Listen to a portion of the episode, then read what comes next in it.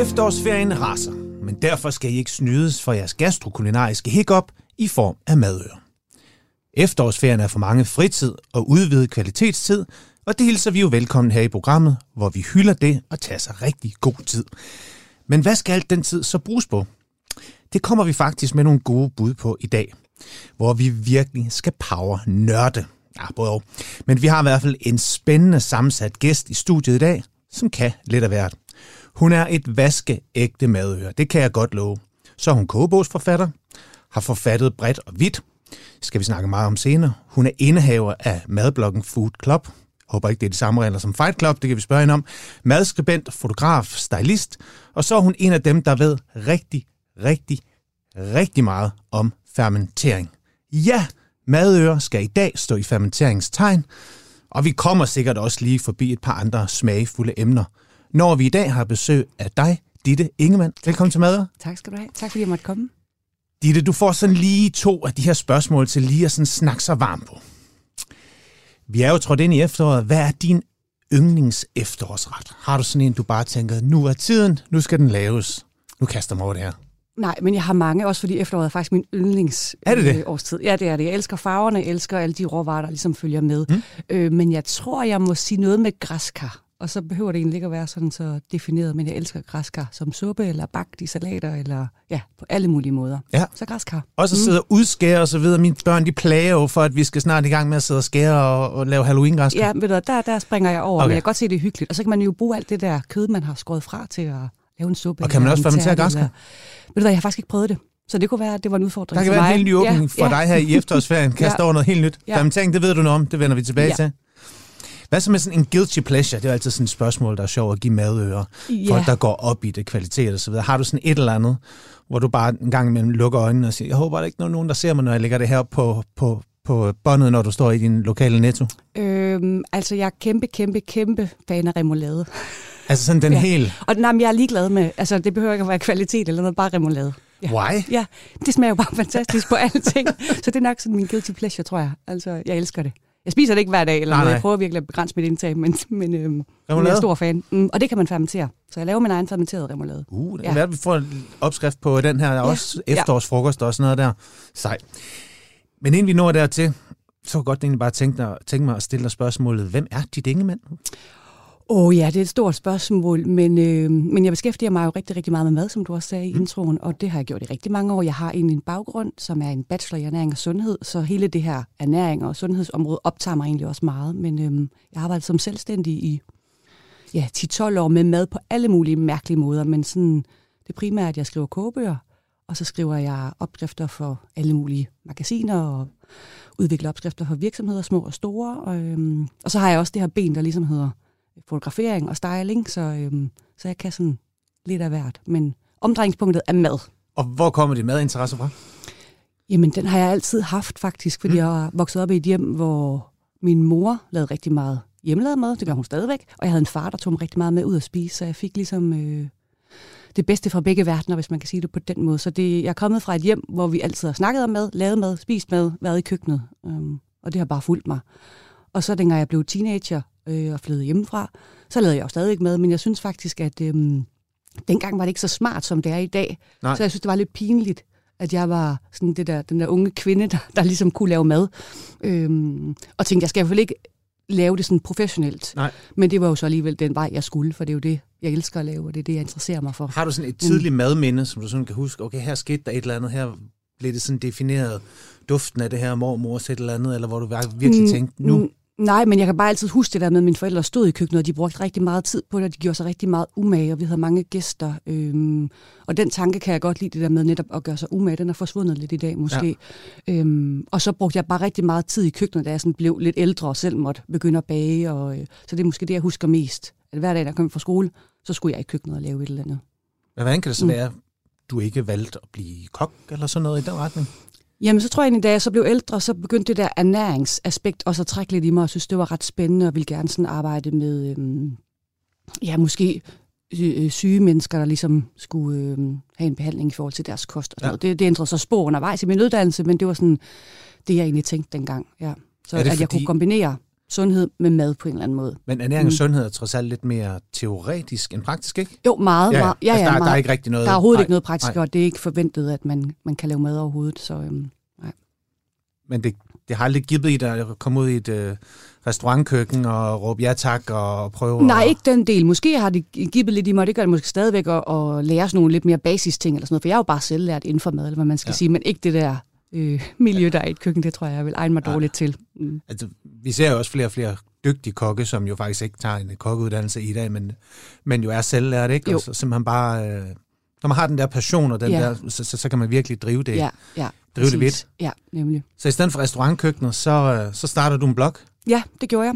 Så det var Øhm. måske der, hvor, hvor du fik lov til at udleve dit... Jeg er helt sikker. På det tidspunkt havde jeg sådan et helt almindeligt job, som man kan sige det sådan, hvor jeg Ja. ja. arbejdede øh, i Greve Kommune. Det var sådan meget 8-4 job, men så gik jeg også og lavede en masse mad ved siden af, og begyndte sådan også at tage lidt billeder af det. ja. Øhm, Altså, og, Og- lad os lige tage os tilbage til, det er trods alt 2010. ja, Og og da ja. vi sad og researchede mm. Lidt på det her, og man støder på ordet blogger, ja, altså det er jo ikke, altså det, det findes jo, det er jo selvfølgelig bare blevet noget andet i dag, og nu er det man måske lidt mere influencer, billederne fylder mere end teksten og Ja. sådan noget der. Ja. Men tag os lige tilbage til sådan 2010, hvor man sådan starter en blog op og bliver Ja. sådan foodblogger. Men også fordi på det tidspunkt, der var jeg faktisk lidt i, altså det var faktisk meget populært, men jeg var måske ikke lige helt med på, på noderne på det tidspunkt, så jeg læste ikke rigtig nogen blog, så jeg vidste ikke helt, hvad det var. Nej. Øhm, og som sagt, så var jeg begyndt at gå og tage nogle billeder, og så var der en, der sådan sagde, "Men hvorfor starter du ikke en blog? Mm. Og så var jeg sådan, hvad er en blog? Ja. Øh, men det var sådan, der, så kunne jeg jo samle billederne med mine opskrifter. Ja. Og så kunne folk jo, altså primært måske min mor sidde i Jylland og læse med, hvad det var, jeg gik og lavede herovre i København. Øhm, og så begyndte jeg så selv også at interessere mig for det medie, og begyndte at læse rigtig mange sådan, amerikanske blogs, og kunne mm. se, at de var mega dygtige til det her med sådan, style maden og tage billeder af det. Og der var vi måske lidt bagud her i Danmark, så tænkte jeg, det ville jeg også være god til. Øh, og så gik jeg egentlig bare sådan i krig med det, stod hjemme i mit lille mørke køkken på Amager, og, øh, og prøvede at tage nogle billeder, der så lidt pænere ud end bare ved, ned i gryden hvor, i dårligt lys og, og den slags. Så, øh, og så har jeg måske skilt mig en lille bit smule ud, fordi så gik der, jamen der gik ikke så længe, så blev jeg kontaktet af Gyldendal, der ligesom var på udkig efter nye forfattere, og spurgte, har lyst til at lave en kobo. Men, Og det havde jeg. og det, havde, mm, det kan jeg godt forstå. grad, Ja. Men, øh, men bloggen her, altså var det for din egen skyld, eller havde du en eller anden idé om, at det kunne være fedt at udkomme og blive... Det var bare fuldstændig Lige- for min egen skyld. Det var Okay. bare en sjov lille Ja. hobby, hvor jeg ligesom havde mit billedarkiv, hvis man kan sige det sådan. Og så Mm. faktisk også et sted, hvor jeg kunne have mine opskrifter. Så selvfølgelig kunne jeg skrive mit dokument. Men det her, det var bare et sjovere medie for mig. Så det var kun for min egen fornøjelses skyld, og så måske min mors skyld. Kan du huske det allerførste indlæg, du lavede? Nej. Hvad Nej. kunne det være? Øhm, Var der et eller andet, som, som du startede med meget, meget forsigtigt? Og ved meget... hvad, det kunne være sådan noget som cupcakes. Ja. Eller sådan noget, fordi det var bare stort dengang, og det var sådan noget, man det kunne gå det og dimse om. stadig. Men det, ja. Så sådan noget, det har jeg helt sikkert Ja.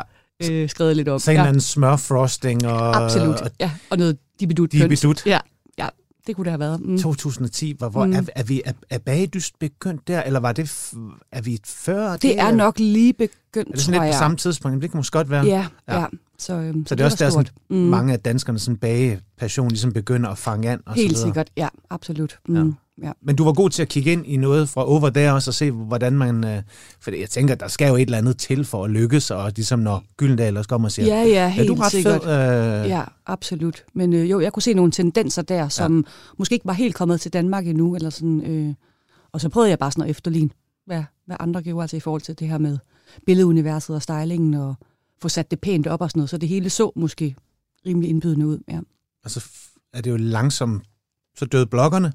Ja. Eller ikke bloggerne, Mm, men altså så døde selv altså, de her blogs, hvor, Ja. hvor, hvor man faktisk læste ja, det gjorde man. og skrev, og hvor, Ja. hvor det også handlede lidt om menneskerne. Ja.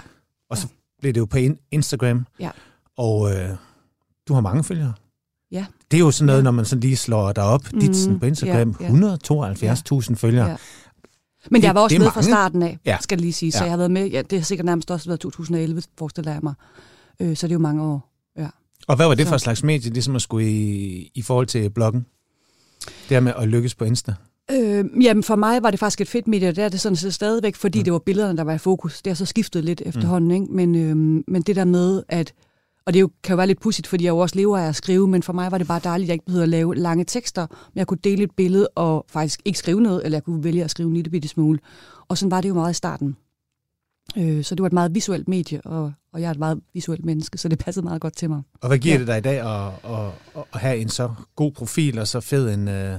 Ja, men det er selvfølgelig en god platform for, for mig og mit brand, hvis man kan sige det på den Ja, måde, det når jeg blevet. udkommer med en Ja. ny bog eller sådan noget, den slags. Ikke? Og så er det også en, øh, en god platform for mig til at finde ny inspiration. Det gør jeg ret meget. Jeg har gjort det mere, end jeg gør Mm. nu, ikke? Men, øh, men også finde andre madnørder og, øh, ja, og få lov til at Ja, vi har jo tidligere haft... Øh, har vi haft Frederik Værns, mm. Mm, som jo også er en, en, er en stor øh, kageblogger, ja, øh, som jo virkelig også har Mm. mange følgere, ikke? hvor vi Ja. ligesom prøvede at udfrit hende for, Ja. hvad, hvordan fanden gør man? Ja. Øh, altså, hvad, hvad kræver det egentlig? Ja. Øh, hvor, hvor, hvad hedder det, hvor taktisk arbejder du med Ja. din Instagram? Altså, hvor langt er du fremme, og i forhold til, altså, kigger du Mm. allerede nu på jul, og for hele tiden at skulle ligge der og, Ja. og være populær, Ja. eller hvad? man skal i hvert fald ikke undervurdere det der medie.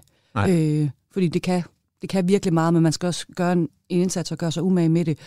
Og øh, jeg har bare rigtig travlt, så dem, de bliver desværre også sådan sat lidt i baggrunden for mig. Det er jo ikke sådan, det jeg, jeg lever jo ikke af min øh, Instagram-profil overhovedet. Nej. Jeg har den lidt som sådan for sjov ting. Så det er ikke sådan, du af. tænker, okay, nu jeg gider bare ikke de næste 14 dage, så kommer du, logger du på en dag og siger, ah, 6.000 mindre, nu skal jeg i gang. Nej, sådan er det ikke, men jeg kan, for jeg kan sagtens have perioder, hvor jeg tænker, nu gider jeg det ikke lige i Okay. 14 dage eller en måned eller sådan noget. Så på den måde lever jeg jo heldigvis ikke af det, og ikke afhængig af det. okay. Nej. Men kogebøgerne, mm. Ja, du laver en fed blog, og så lige pludselig så ringer Gyldendal. ja. Ej, så er det også meget fedt, ikke? Jo, jo, det var, det var vildt. Jeg siger altid, det er den bedste Ja. dag i mit- mit liv, for det var ret vildt faktisk. Ja. Øh, fordi jeg faktisk havde tænkt tanken selv sådan, hvis jeg nu fortsætter med det her og bliver bedre og bedre og bedre, så kan det jo være om nogle år, at øh, jeg kan få lov til det her. Mm. Og bummelum, så var det der bare lige pludselig. Ikke? Så, øh, så det var vildt. Så jeg lavede min første bog, mens jeg stadigvæk havde mit, øh, mit fuldtidsarbejde. Og da den så udkom, tænkte jeg, mm, hvis jeg skal prøve det der selvstændige liv, så er det måske nu. Øh, og så må det bære eller briste. Og hvad var den, den, den første bog, du lavede? Jamen, det var en salatbog. Ja.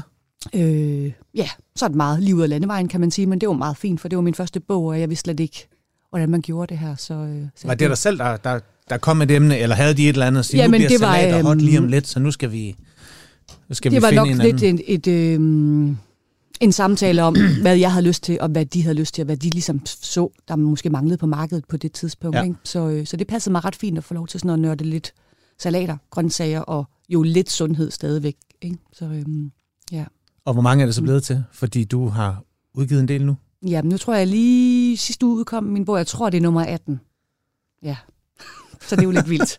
Og så har jeg været med til at lave bøger sammen med andre. Jeg er fotograf på andres bøger, jeg nærmest konsulent på andres bøger den slags. Så det er jo det er flere end bare 18, men 18 er min egne. 18 er dine egne. Ja. Så det er jo vildt. Ja. Ja, Og det, det er det. er det sådan din, dit primære erhverv i dag? Kogebog? Ja, det er jo i hvert fald det, jeg bruger mit, øh, min primære tid på, kan man sige. Så, øhm, så ja, det er det, jeg egentlig betegner mig selv som, mm. det er, at jeg er kogebogsforfatter. Ja. Og har du allerede den næste på vej? Ved, hvad? ved, ved du allerede så Nej, nu, hvad det er det? faktisk ikke, og det er lidt usædvanligt. Men jeg tror også, der, der sker et eller andet i øjeblikket lige nu, sådan på kogebogsmarkedet og med vores økonomi og sådan noget. Er det det, vi skal bruge vores penge på? Og, Ja. Øhm, ja, hvad er der også behov for? Sådan noget. Jeg skal ikke lave bøger bare for at lave bøger. Jeg skal jo selvfølgelig også have virkelig lyst til det, og, og det skal være et emne, der giver mening. Så lige nu, så tager jeg måske en bogpause. Jeg ved det ikke. Tag os lige med, bare sådan lige kort, hvordan foregår det at lave en kogebog?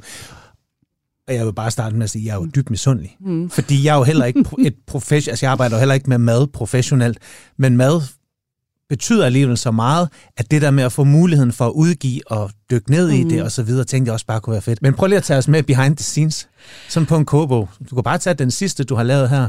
Jamen Sådan, altså, hvor- mm, det tager cirka ni måneder, lidt ligesom at lave en baby, skulle jeg til at sige. Ja. Ja. Sådan, det er i hvert fald det, det tager for mig, ni måneder, et år eller sådan noget. Ikke? Øh, så jeg starter bare med at sidde og brainstorme opskrifter øh, sammen med mine redaktører typisk, og øh, altså når vi har fundet et emne, det leger vi lige. Ja, vi hvordan fundet finder man emne. Uh, for mig har det været nemt hele tiden sådan at, øh, at vide, hvad jeg gerne vil. Jeg har bevæget mig meget sådan i det grønne køkken, kan man godt sige, for Mm. det er det, jeg synes, der er sjovt. Og øh, det der med kød, det er jeg ret sikker på, at folk godt selv kan finde ud af, så det er ikke der, mit fokus ligesom ligger. Øhm, så det må gerne være sådan lidt... Hvor meget kigger man ind i markedet og salgstal og hvad hitter og... Jamen, det kigger man jo ret meget på? ind i, før Ja. et forlag også ligesom tør at sige, sige Ja. go på det, så skal det give mening, og man kan sige, hvis man ved, der kommer 10 andre kagebøger, så er det måske ikke en kagebog, man skal udgive, så må man vente eller finde på noget andet, eller en ny vinkel, eller et eller andet sjovt. Ja. Så man snakker jo meget sådan også om, ja, om, om vinkler, og hvordan skal den her ligesom brandes, og hvordan taler vi den ud til folk. Ja. ja. Øh, så går jeg bare i gang med at lave opskrifter, og så fotograferer jeg jo også selv, så processen er anderledes for mig, fordi jeg jo bare kan gøre det hele selv, når jeg har lyst i bund og grund. Jo. Ja, okay, så du Det gør jo så også, at jeg kan arbejde hele tiden. Øhm, ja, det er jo sådan set det. Ditte, du sagde det selv i det her med, at, øhm, at der er masser af kogebøger derude. Øhm, jeg har det jo personligt sådan, hvis jeg skal finde en opskrift, jeg har også mange kogebøger, men jeg er også begyndt at skille mig lidt af med dem og tænkt, ah, fordi bøger har jo, fylder ikke det samme, som det gjorde for mig for 10 år siden, hvor jeg gerne ville have, at folk kom ind i mit hjem, og så stod de der. Dem alle sammen. Mm. Herman og Bobex og Nome og det videre. Fordi det tænker jeg, okay, det fortæller en hel masse om mig, ikke? Øhm, men hvad, hvad, hvad tænker du omkring det? Altså overlever kogebogen, eller hvor man kan hente alt på nettet, og skal jeg lave et eller andet, så kan jeg jo bare google øh, braseret svineskang, øh, Ja. og så kommer der 300 hits, ikke? og så kan jeg finde den, der er bedst i mm. Kvædet, Men- der går hen og slår op. Altså, Jamen, det har været en diskussion længe, også i dengang, hvor jeg ligesom bloggede, og det var meget, meget populært, tænkte jeg jo også, jamen folk kan jo bare finde mine opskrifter her, hvorfor skulle de gå ud og købe en bog? Mm. Men det virker bare som om, at den, sådan, den fysiske bog overlever næsten uanset hvad der sker. Fordi hvis man kigger på bogsalget, så har det ikke ændret sig så meget her Okay. okay. i løbet af de sidste 10 år. Men du har jo ret i, at jeg bruger jo også øh, øh, Google meget, når jeg netop bare lige skal finde en opskrift, så går jeg jo ikke ind og leder i mine bøger. Øh, for jeg har selv utrolig mange kogebøger også. Øh, men der er jo bare et eller andet lækkert ved at stå med en, med en fysisk bog, og det tror jeg, der er mange, der synes. Så, øh, så Hvad- af en eller anden mærkelig grund, så overlever det faktisk. Hvad er din yndlingskogebog? Det tror jeg faktisk aldrig har nogensinde stillet en af vores gæster det spørgsmål. Har du, har du en, hvor du simpelthen bare Nej, tænker... jeg har ikke en, men jeg må jo indrømme, at jeg har brugt Jamie Olivers bøger rigtig meget. Og ja. han, da jeg var ung, var han en stor inspiration for mig, fordi han jo, jeg ved godt, han er kok, men han lavede jo ikke det der sådan øh, uopnåelige kokkemad. Nej. Øh, jeg ved ikke, om du kan huske de der Jo, tidligere program, de- programmer med ham. jo. Og det var sådan The meget Naked Chef, der ja, sådan var tilgængeligt god. for mig, ja, hvor jeg sådan ja. tænkte, okay, det kan man faktisk også. Man behøver ikke øh, at lave sådan noget øh, vildt fancy mad. Man kan også bare lave det mad, og så faktisk stadigvæk øh, blive Ja. populært. Det er måske også det, folk vil have. Så han var en rigtig stor inspiration for mig. Ja. Jeg har brugt hans opskrifter rigtig meget. Øhm, så det om jeg siger, det er en yndlingskogebog, men jeg har brugt hans bøger meget i hvert fald. Ja. Okay. Og jeg ser, jeg ser stadigvæk op til ham og ser, Ja. ja. hvad, hvad laver han, og hvad sker der over på hans... Øh, Meget enig. Jeg vil også godt give et shout-out til hans nyeste programmer. Jeg tror, det ligger på Netflix, ja, hvor han også bare altså, gør det let tilgængeligt. Det er Ja. ting, man kan forstå, det er ting, Ja. man kan lave. Ja. Og egentlig også en, øh, en kommentar, som vi havde Thomas Alkajakker, Mhm. som du også, som jeg også ved, du kender ja, godt, Ja, øh, i studiet i sidste uge, som jeg også, også faktisk nævnte øh, Jamie Oliver Okay, som, ja. en, øh, som det her med netop at lave ærlig nem mad, som man Mhm. kan forstå. præcis. Ja. Men du har jo også skrevet to bøger omkring fermentering, og nu skal vi nørde. Ja. Jeg har næsten lyst til at sige, som kirken, lad os alle fermentere. ja. Det, det er lidt hippieagtigt, det her, ikke også? Med Jo. at fermentere. Øhm, fordi for mig, og måske for mange, så er det jo sådan noget noma og alt ja, fermenteret det og fermenteret det og, og tørret det og, og, og, og så videre og så videre. Men, øhm, men skal vi ikke bare sådan prøve at bryde det sådan helt ned til, hvad pokker det her? Ditte, så, så Mm. take it away. ja. Hvad, hvad er fermentering? Altså jeg vil lige sige, jeg tror for mange lyder det som sådan noget lidt, øh, noget der foregår i et laboratorium, eller noget, hvor man slet Ja. ja. ikke kan være med og sådan noget. Og ja, det er blevet meget populært at sige, man har et eller andet fermenteret på, øh, på menukortet og sådan noget. Men jeg tror, man skal huske også på, at vi har meget fermenteret hjemme i køleskabet. Øh, ost, miso, soja, øl og vin og sådan noget, det har jo alle sammen gennemgået en fermenteringsproces. Og, øh, surdejsbrød og den slags. Og det, jeg ligesom beskæftiger mig rigtig meget med, det er jo sådan en fermentering af primært grøntsager og en lille smule frugter også. Og det er lidt noget andet. Øhm, Men hvad er det? altså egentlig betyder det jo at gære. Okay. Øh, og det har man gjort i mange, mange, mange tusinder år. Mm. Jeg kan jo ikke sådan helt fortælle, hvordan det egentlig nok er startet, for det, det ved vi jo ikke, eller det har jeg jo ikke fundet noget bevis på. Men, men vi kender alle sammen det der med, at øh, frugten falder ned fra træet og ligger, og så øh, dufter det på sådan en speciel måde. Det er jo faktisk, fordi der starter en fermenteringsproces. Øhm, men når jeg sådan er gået tilbage og læst om det, så tænker man, at det umiddelbart er startet måske i Kina, hvor man har prøvet at komme salt på nogle grøntsager, og så har man kunne se, at det ligesom forlængede holdbarheden. Og dengang fermenterede man jo for at ja, forlænge holdbarheden, så man kunne spise mad hele året rundt. Det kan Mm. man sige, det behøver vi jo ikke i dag. Så i dag skal vi fermentere nogle andre årsager, end man gjorde dengang. Øhm, så det har været en måde at konservere på, ligesom øh, at man har ja, saltet eller røget med. Så øhm, Så simpelthen Ja. noget for, at, at tingene holder sig bedre, man kan Simpelthen. transportere det, man kan Ja. rejse det, man kan... øh, ja, absolut. og Og jeg tænker, at de fleste måske har hørt om sådan noget som sauerkraut, som jo stammer fra Tyskland, og så pangdangen til den er jo så kimchi, som er det her koreanske øhm, spicy fermenteret kinakål. Ja. ja. Så, øhm, så det er noget, jeg bruger rigtig meget tid på at, at nørde med, Hvorfor? med, med derhjemme. Okay. Jamen fordi, at øhm, når man først ligesom har smagt det, så kan det bare noget helt andet, end hvad vi er vant til. Det har jo sådan en saltet, det er ikke fordi det er super saltet, men det har den her saltede, sådan lidt syrlige smag og en helt vildt dejlig konsistens. Og jeg tror, at øh, vi er blevet meget vant til i vores køkken, at meget skal være blødt og sødt, Ja. vores mad. Ikke? Øhm, så jeg vil gerne have, at vi skal lidt væk fra det der, og vi skal have nogle andre smagsnuancer ind i vores køkken. Så øhm, ja, så det kan bare noget andet. Hvad med Ja. sådan en, sådan en, en dansk kontekst? Har, har fermenteringen, altså selvfølgelig, som du siger, ost, vin, Ja, Kaffe, surdej, ja. gængse produkter, som vi måske ikke altid tænker over, er gæret eller fermenteret, mm. men Mm. som, som egentlig bare er blevet et, sådan et, et hverdagsprodukt. Men grøntsager og de her ting, du nævner over, er det kommet ind igen? Har det været ude? Altså, hvornår sådan startede sådan fermenteringsbølgen i Danmark? Kan man sige noget? Er det mere sådan, det var inde i 60'erne, og så glemmer vi det op i 80'erne, og så vender det tilbage nu, eller hvordan? Ja, men det er jo meget sjovt, fordi når jeg snakker med min mor, der er nogen, der er ældre, Mm. så er de jo faktisk sådan... Øh, der, der findes noget fermenteret te, der hedder kombucha, hvor man kan have noget, der hedder en scoby, som jeg bedst kan sammenligne med, når man laver eddike, altså en eddikemor eller sådan. Og når jeg snakker med den generation, så er de jo Jeps. meget sådan, Nå jamen, det havde jeg da dengang, og jeg havde da også en surdej, og jeg fermenterede da også kål og sådan noget. Så, så, øhm, så det har jo været ude, og er måske blevet sådan lidt moderne igen de sidste 4-6 år. Jeg skal passe på med, hvad jeg siger, fordi i mit hoved har det Ja. måske været længere, øh, fordi jeg selv... Hvornår kom med din det. første fermenteringsbog? Jamen, det gjorde den for 6 år siden, tror jeg. Den skrev jeg sammen med Søren Eilersen for årstiderne. Yes. Øhm, og vi lavede så også en efterfølger, hvor vi også bare nåede det totalt meget grøntsager og, og fermentering. Og lige præcis den første bog, Ja, undertitlen hedder netop Kraut, Kimchi og Kombucha. ja. Så er det Mm. der, vi ligesom skal begynde, hvis vi sådan skal...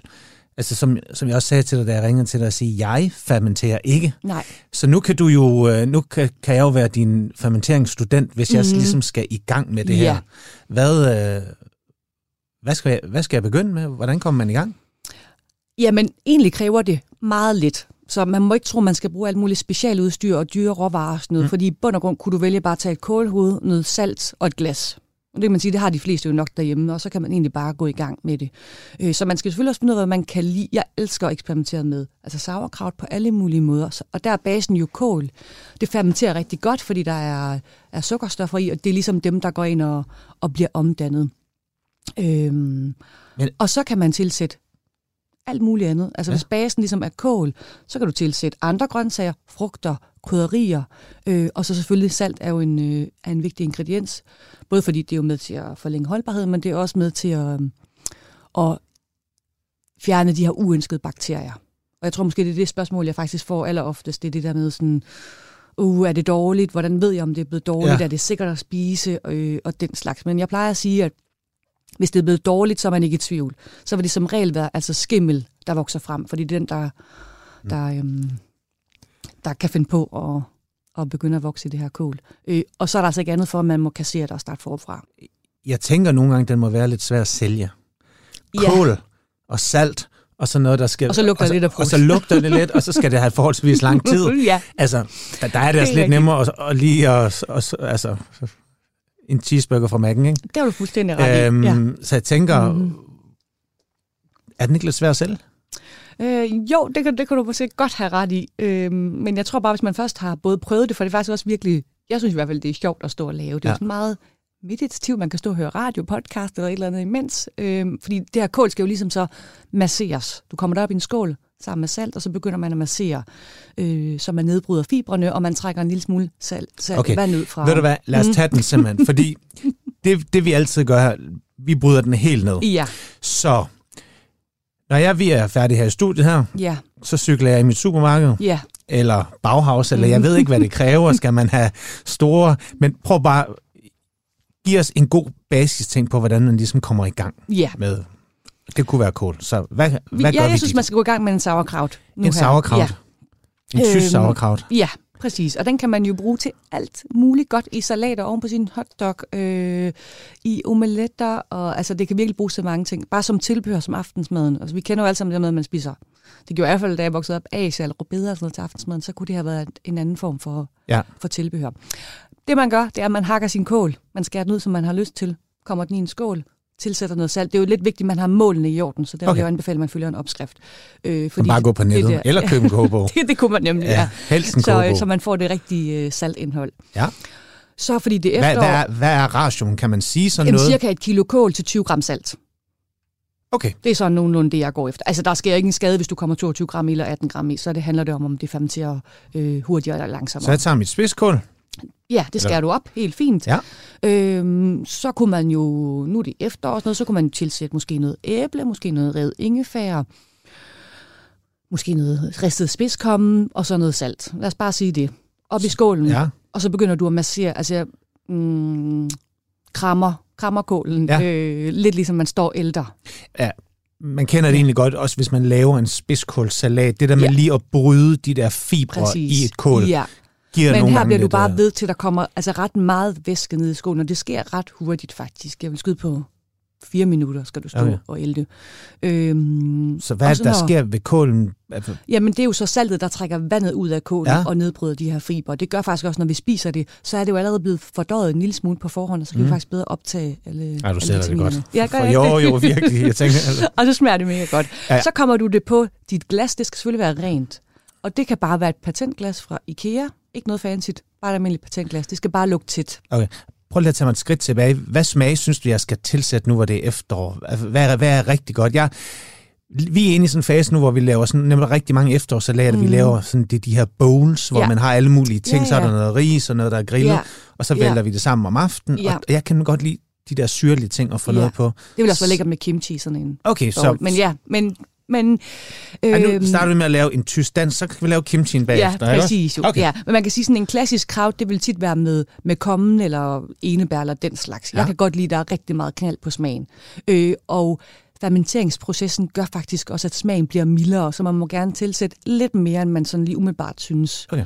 Øhm, men sådan noget for eksempel som ristet spidskommen, kaj, øhm, red ingefær, hvidløg og rødløg i tynde skiver er også Ingefær, mega tænker lækkert. jeg. Ja, Det er ret vildt med. Øh, æble er også rigtig, rigtig lækkert. Det mister jo så ret meget af sin sødme, men det har stadig en dejlig konsistens. Øhm, og selvfølgelig en mild æblesmag, Okay. når det er, det har fermenteret. Så Ja. simpelthen, altså simpelthen revet æble. Altså, ja, kan eller man, kan man godt... øh, tern. Ja, ja. Nå, okay. Øh, du kan også øh, rive andre rødfrugter, nu er det jo efterår. Øh, gulerødder, tilsæt for eksempel rød karry, Mm. pasta, synes jeg er rigtig lækkert. Så bliver det sådan et Asian-agtigt kraut, så man kan virkelig tage den, hvor man har lyst til. Altså, Okay, så ja. kilo kål, 20 gram salt, masser, Mm. masser, masser. Ja. Tilsæt en eller anden smagsgiver, som Ja. man godt kan lide. Ja, Kunne det bare være en køberød kaj, simpelthen, Ja, som man også ja, masser præcis. ind? Ja. Okay, Ja. og hvad gør vi så? Så når der er kommet væske nok ned i skålen, så kommer du det på det her glas. Og det er selvfølgelig vigtigt, det er rent. Det er jo vigtigt, det hele er rent, altså dit skærebræt og din kniv Ja. og dine hænder og sådan noget. Så er Fordi sådan noget bare der er de mindste bakterier, så ja, jeg plejer at skolde mit glas, men det er så også det. Okay. Ikke sådan noget atam, hvad Nej, sådan nej, noget atamon. atamon Nej, alle de der... nej. nej. Nej, det behøver man slet ikke.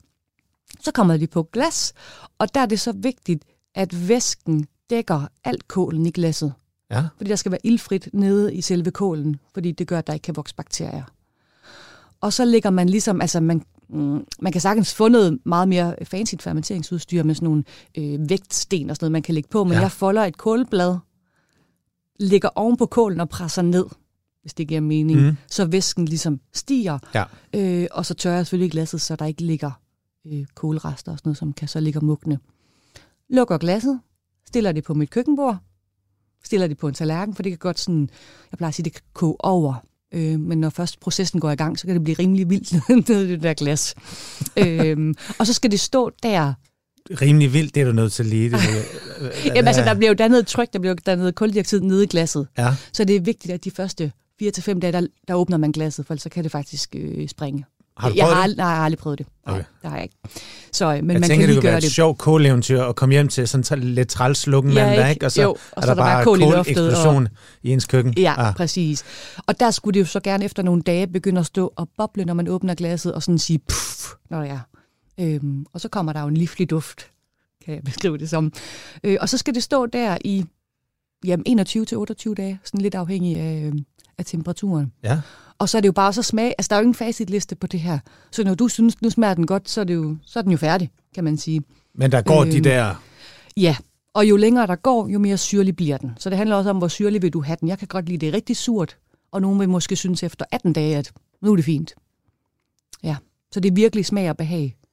Øh, og jeg synes, det er jo sjovt, at man kan jo freestyle på alle måder med ingredienser og krydderier og smage og den slags. Ja. Mm. Altså jeg tænkte, nu, nu, nu, startede vi også sådan virkelig old school. Ja, Og øh, der kan jo godt være, der sidder nogen derude og siger, jeg er ikke så vild med kål. mm. Det lyder ikke som om, det lige er mig. nej. Er der noget andet, hvor du tænker, okay, det her det er måske også sådan lidt hardcore. Ja, Er der noget frugt? Er der et eller andet mildere, hvor man ligesom kunne få bare sige, de yngre generationer med på, der måske ikke lige er sådan så kåltosset? Ja, men man kan sige, at man kan sagtens fermentere frugt, men der skal man måske også, faktisk også være lidt hardcore, synes jeg, fordi øhm, for det første fermenterer det rigtig, rigtig hurtigt, fordi der er jo selvfølgelig mere sukker i frugt, end der er i kål. Okay. Øhm, og som sagt, så forsvinder sødmen, så man må ikke sådan tro, at man får sådan en, et rigtig sødt og lækkert produkt, for man skal huske på, at det er stadig saltet, og det bliver ret hurtigt surt. Øh, men man kunne for eksempel lave sådan en, øhm, en ananas-salsa, som også, jeg også har med i bogen, som er mega god sådan til ovenpå sådan tacos og sådan, måske det mere meksikanske Den vil vi gerne have. Ja, og øh, det er bare at hakke noget, hakke noget ananas helt fint, Ja, øh, sammen med altså forårsløg. hvor, hvor fint. Altså, Jamen, så man jo har lyst til, jeg kan godt lide, hvis, det, hvis vi skal snakke om det, sådan ananas salsa, Ja. må jo godt, så må den godt være lidt findelt.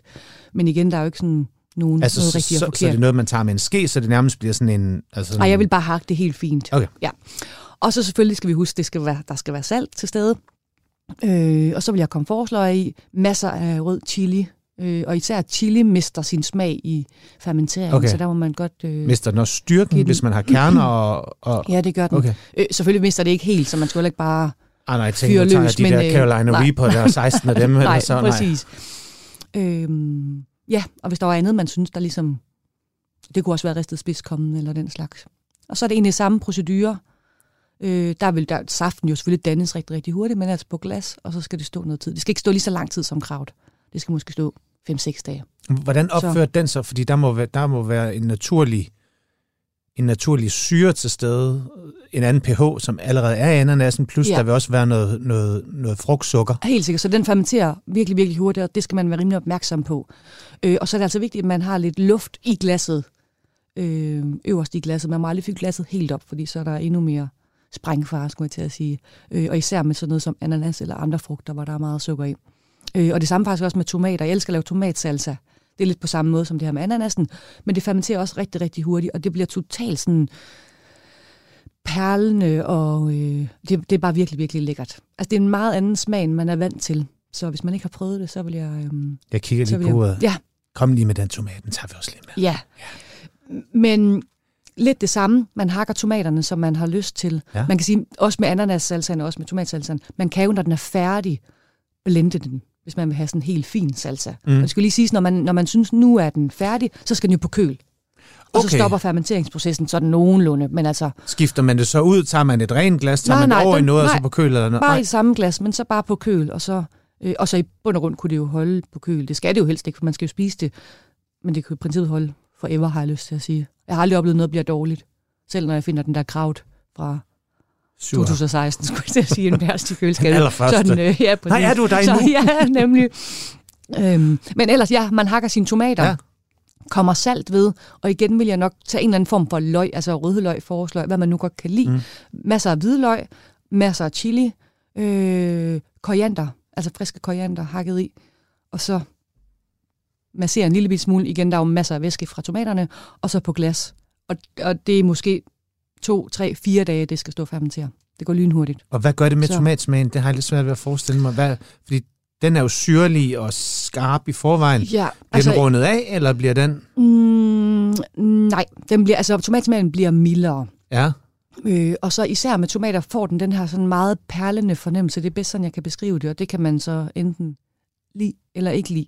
Øhm, og så bliver de jo bare endnu mere syrlige, og så får de jo så smag for alle de her andre smagskomponenter, man er kommet i. Ikke? Mm. Så, øh, så det er en ret lækker anderledes salsa, som man også kan bruge til alle mulige ting. Ja. Så hvis man skal fermentere noget nu til jul eller nytår, så skal man måske tage i gang. Altså øh, hvis man skal have en julekraut, eller Uh. ja, hvad det nu måtte være. Ikke? En rødkål med, der kan man jo komme kanel og stjerneanis og den slags i. Mm. Så vil den kunne genopvarmes? Vil man kunne lave sin rød, i stedet for sin klassiske rødkål? Man kan sagtens varme det op, men man siger jo, hvis man, hvis man fokuserer på de sundhedsmæssige gevinster, at man Ja. ja. ikke skal varme det op, for så mister man nogle af de her gode bakterier og sådan noget. Jeg kommer det tit i tærte for eksempel, eller sådan noget, fordi jeg, jeg, jeg har mere fokus på smagen. Øhm, men det er jo ikke, den er jo ikke sød som en klassisk rødkål, så Nej. jeg tror måske, det kunne... Måske skal man have begge dele, så man ikke... øh, Du ved, Men med hvor julemaden man arbejde, man... ja, men hvor meget kan man arbejde videre med et fermenteret emne? Altså- Altså, Jamen, man kan jo egentlig arbejde mm, meget med det, vil jeg sige. Altså, øh, jeg bruger det jo tit altså, i salater, Ja. ja. hvor jeg ligesom bruger det som et element. Så kunne det være sammen med noget friskål og andre råvarer, mm. sammen med en dressing og den slags. Øhm, men ellers så er det jo et færdigt produkt, hvis man kan sige det sådan. Så er det jo mere sådan, ja, en slags tilbehør eller en smagsgiver. Ja. ja. Du, nævnte selv lige sundhed. Det fik jeg slet ikke Mm, spurgt dig indledningsvis. Er det sundt, det her? Jamen, Eller det er jo selvfølgelig sundt, fordi det er grøntsager. Ja. Så, men, men jeg plejer faktisk at gerne vil have, fokusere på, at man skal gøre det, fordi man synes, det er sjovt, og man skal gøre det, fordi det smager godt. Fordi jeg tror, hvis man gør det, fordi det er sundt, så kan det godt være, at man får det lavet, men så tror jeg bare, det ender inde i køleskabet. Mm. Øhm, men selvfølgelig er der nogle gavnlige øh, bakterier, som er rigtig gode for vores tarmflora, for vores mave, ja. og godt for fordøjelsen og den slags. Men man, det er jo heller ikke noget, man spiser store mængder af, det skal vi lige huske. Man spiser jo ikke et helt glas. Man tager måske en skefuld på, til sin sandwich eller i sin salat eller den slags. Så, øhm, ja, så man skal altså ikke gøre det, fordi at man tror, at det, ikke- det kan helbrede, Nu- eller Nej. ja, man bliver super sund af det på den måde. vitaminpilleren og det hele. Nej, nej, Nej. det skal man ikke. Nej. Det er jo ikke nogen hemmelighed, at, at den almindelige familie har travlt mm. Mm. og så videre og så videre. Hvor- hvor- Hvordan passer fermenteret mad ind i den travle familie og madplaner og sådan noget der? Er det noget, I har beskæftiget jer med i bogen? øh? Nej, og det passer nok egentlig heller ikke specielt godt ind, når du siger det på den måde, Nej. men, men man ser jo også en tendens til, at vi gerne vil nørde lidt mere i Mm. nogle ting. Altså surdej har været meget populært at bage sit eget brød, og øhm, man ser mere og mere faktisk lige nu, tror jeg, at folk gerne vil sylte, og det handler både om, tror jeg, at vi vil spare nogle penge, og Er, er syltning også en fermentering? nej, det Nej. er det ikke. Men, øhm, men det er jo også en konserveringsteknik, kan Ja. man sige, men det er jo det, der er sådan meget søde, syrlige, hvor fermenteret, det er salt og syrligt. Øhm, ja, så man skal måske også gøre det, fordi at man har det der kål liggende bærst i køleskabet, man ikke lige har fået brugt. Øh, så det er også en meget god måde at rydde lidt op. Jeg tager tit alle mine ting ud fra grøntsagsskuffen, og så tænker jeg, hvad kan jeg fermentere ud af det her? Øhm, Jeg tænker, du må have et vildt køleskab lige hjemme hos dig, når man åbner. Der må bare stå glas på glas på glas. det gør det faktisk også, for jeg har alt muligt mærkeligt. Ikke? Jo. Men det, det der at jeg lige sagde, at man skal huske at få det brugt, så det må jeg lige ja. øhm, leve efter. Ja. Mm. Mad, madspil fylder jo heldigvis rigtig, rigtig meget, Ja. og det virker til at gå den rigtige vej. Ja. Øh, jeg tænker også, det her det må være, som du også selv sagde, Ja. det, det, er en, det er en god måde at få ryddet op i, Helt sikkert, ja. I grøntsagsskuffen. ja. Og selvfølgelig første gang, man gør det, er det jo tidskrævende, når man går og tænker, uh, har jeg nu gjort det godt nok, og hvad sker der? Og, øhm, men man skal bare lige have det ind under huden, og så kan man ligesom, som jeg sagde, freestyle lidt ud fra, hvad man har råvarer, hvad man har, har smagsgiver. Men altså, ja, første gang, det tager jo tid at stå og snitte så meget kål. Det vil jeg jo ikke, ja. øh, vil jeg ikke lyve om. Så, øh, så en eller anden dag, hvor man har tid, kan man jo give sig i kast med det. Er det sådan Mm. virkelig, virkelig gået galt for dig også? Sådan en, hvor du bare tænker, fuck, den der, den. Nej, ikke smagsmæssigt, vil jeg sige. Mm. Men jeg har selvfølgelig oplevet, at det bliver dårligt. Ja. ja. Og jeg kan jo, nogle gange kan jeg ikke forklare, hvorfor. Altså, øhm, Men hvad er, de bogen største, ja, hvad er de største faldgrupper? øhm, jamen, det er jo nok, at der er et eller andet, der har været urent, som jeg ikke selv er klar over. Ja. Så til bogen fermenterede jeg faktisk grønne tomater med, øh, med vanilje. Uh, Og der har jeg så kommet, og jeg synes, jeg har lavet det før, men altså, jeg kom en hel vaniljestang ned i. Og der sidder åbenbart en masse bakterier på. Øh, har jeg så fundet ud af siden, jeg har talt med nogle andre om Ja. det.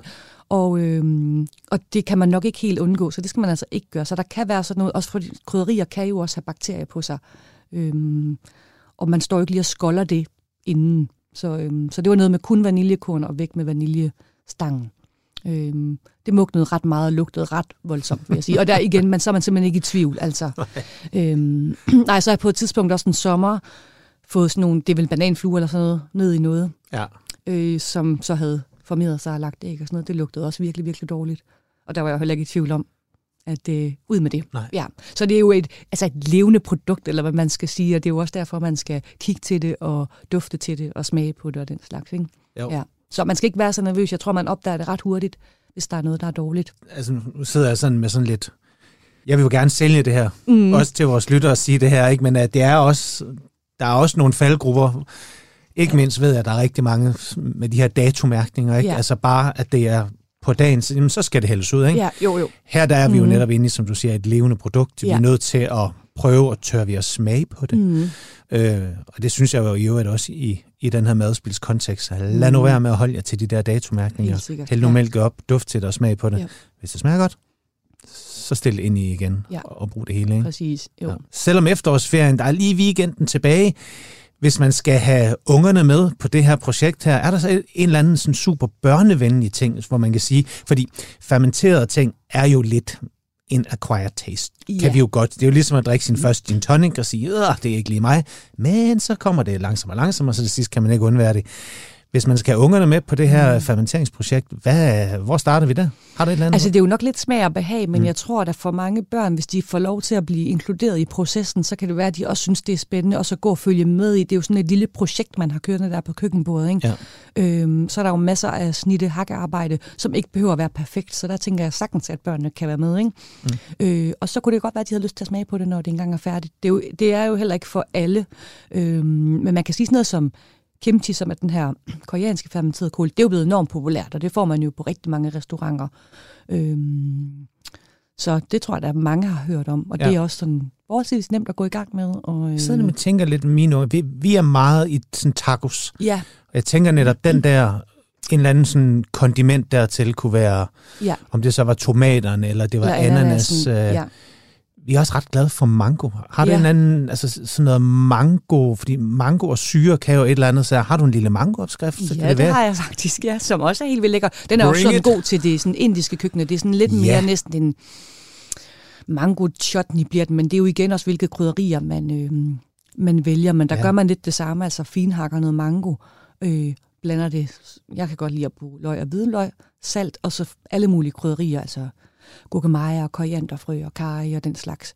Øhm, og igen, den fermenterer rigtig hurtigt, fordi mango er rigtig, rigtig sød.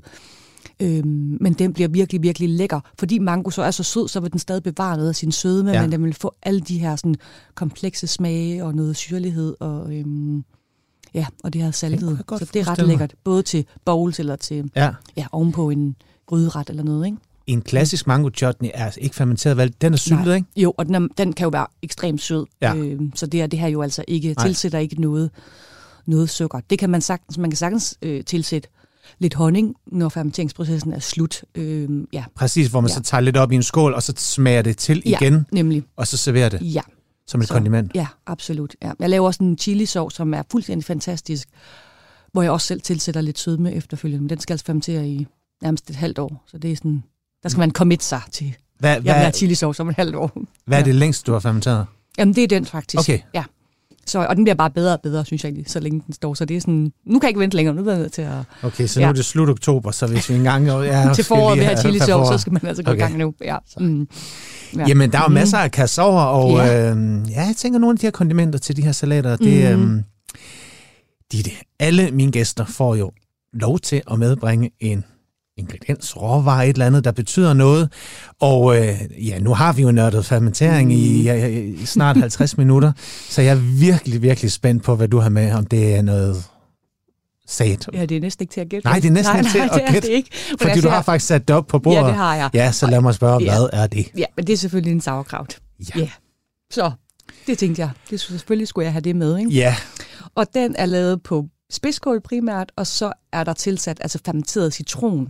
Så det er sådan, jeg først har fermenteret noget citron, så har jeg skåret det Er det i de der, som jeg har set, var det prisbrødrene, der også lærte os det, det der med, at man skærer en over og fylder med salt, og så Ja, i ja. sådan en stor glas, og så... ja, øh, ja, saltede citroner, er der nogen, Ja. ja. der kalder det marokkanske citroner.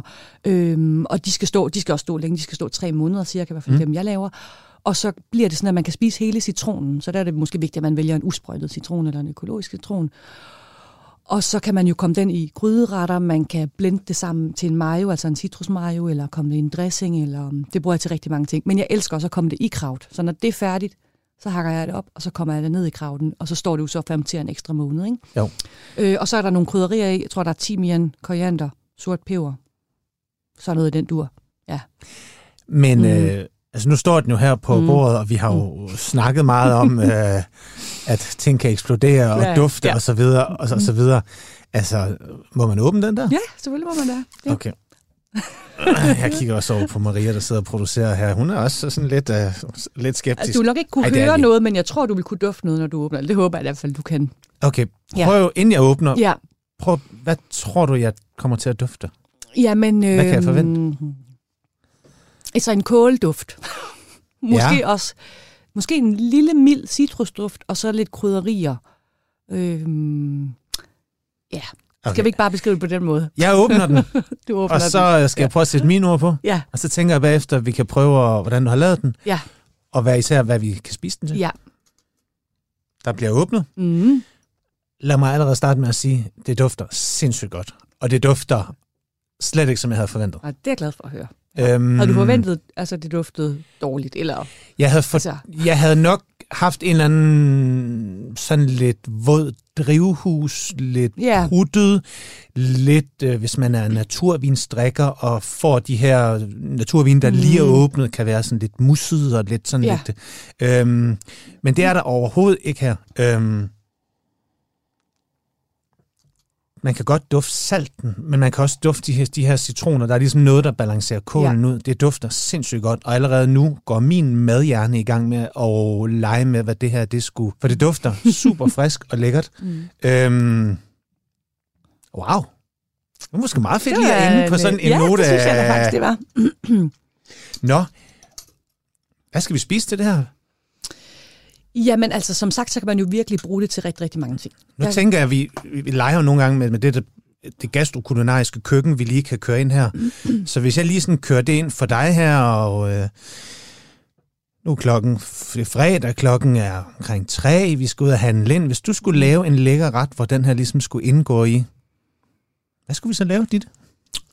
God weekendret. Ja, men altså, der er så mange ting, man kan lave, men lige nu er jeg ret vild med den. Det er altså også en opskrift i min nye bog, men jeg laver sådan en fried chicken. Og så laver jeg en uh, coleslaw. Ja. Men så i stedet for selvfølgelig at bruge kål, så mm. kommer jeg det der i. Og det giver altså bare en helt fantastisk smag og konsistens. Så du blander det her med en frisk kål, eller hvad? nej, det gør jeg faktisk ikke. Jeg blander det så med noget altså frisk gulerod, ja. og så laver jeg selvfølgelig en dressing på noget mayo og noget yoghurt og lidt eddike og sennep og sådan noget. Og det giver bare en helt anden øh, smagsoplevelse, end hvis man brugt almindelig kål. Mm. Ja, så, øh, så det er ret lækkert, faktisk. Og en ja. god fried chicken. Og så en god fried chicken til. Det er det er en meget god fredagsmenu, ikke? Jo, altså, det synes jeg. Ja. Jo. Så, Den her, hvor man lige tager en god kylling, ja. eller de gode kyllingbryster, ja. kernemælk, mm. og så laver sin lille, om det er knuste cornflakes, eller ja. Doritos, mm. eller hvad det er, alle mulige, og en god panko, ikke? Ja. Jo. Og så op. Ja, fordi det jo også har syre i sig, så det passer ret godt til sådan en, altså noget fed, ja. En fed ret, ikke? Og så, så øhm. læg lige mærke til, når Netto eller Harald Nyborg har frityrmaskiner på tilbud til 149, ikke? så køb en fritøse. Ja. Det er, altså, det, så bliver man altså glad. Sådan fried chicken Så bliver det nemmere i hvert fald. Jo, ja, så kan man lige gøre det udenfor. Ja. Ved du, hvad jeg tænkte? Nej. Smørbrød. Ja, absolut. Øhm, mm. kommer julefrokosten og, ja, ja. og alle de her ting her. Så en eller anden sild med det her ovenpå, ja. og så selvfølgelig flankeret igen af noget fedme. Ja. Tænker jeg kunne være Præcis. sindssygt lækkert. Ja. Og som jeg sagde til at starte med, så, så laver jeg faktisk også den her fermenterede remoulade, som jeg laver ligesom bare basen til remouladen, eller fermenterer de her grøntsager, som man kender fra en remoulade, og så blander jeg den op med en mayonnaise til sidst. Og den vil jo være ret god til, øh, til sådan julefrokosterne, ja. tænker jeg. Mm. Men man kunne også sagtens bruge sådan en kraut der, fordi den har det der friske, og det har det sprøde og det knæsende. Så lige for at opsummere det her, hvis man gerne vil i gang, tænker, at det her det er en sjov efterårssyssel. Nogle gode glas. Ja. Salt. Ja. Og så noget, noget, bare... noget godt salt, hvis jeg ja. må sige det. Ja. Altså, øh, man kan selvfølgelig sagtens bruge helt almindelig fin sådan køkkensalt, men, øh, men der er det her jod tilsat, og det kan nogle gange gå ind og, og drille lidt med fermenteringen. Okay. Så noget godt havsalt, ja. vil jeg sige. Det, det er altså penge godt givet ud. Ja. Mm. Og så bare hjem og i gang med at fermentere. Ja, simpelthen. Fantastisk. Alle de gode råvarer, der er lige nu. Skønt. Ditte, tusind tak, fordi du kom og gjorde os meget, meget klogere på kunsten at fermentere. Du har to skønne fermenteringsbøger, hvis man er endnu mere vild og vil nørde endnu mere igennem, men ellers er det bare at kaste sig ud i det. Det her, det er Madøre på Radio 4. Det er hver fredag kl. 14.05. Jeg hedder Mikkel Nielsen. Tusind tak, fordi I lyttede med, og tusind tak til dig, Ditte, fordi du ville være min gæst i dag.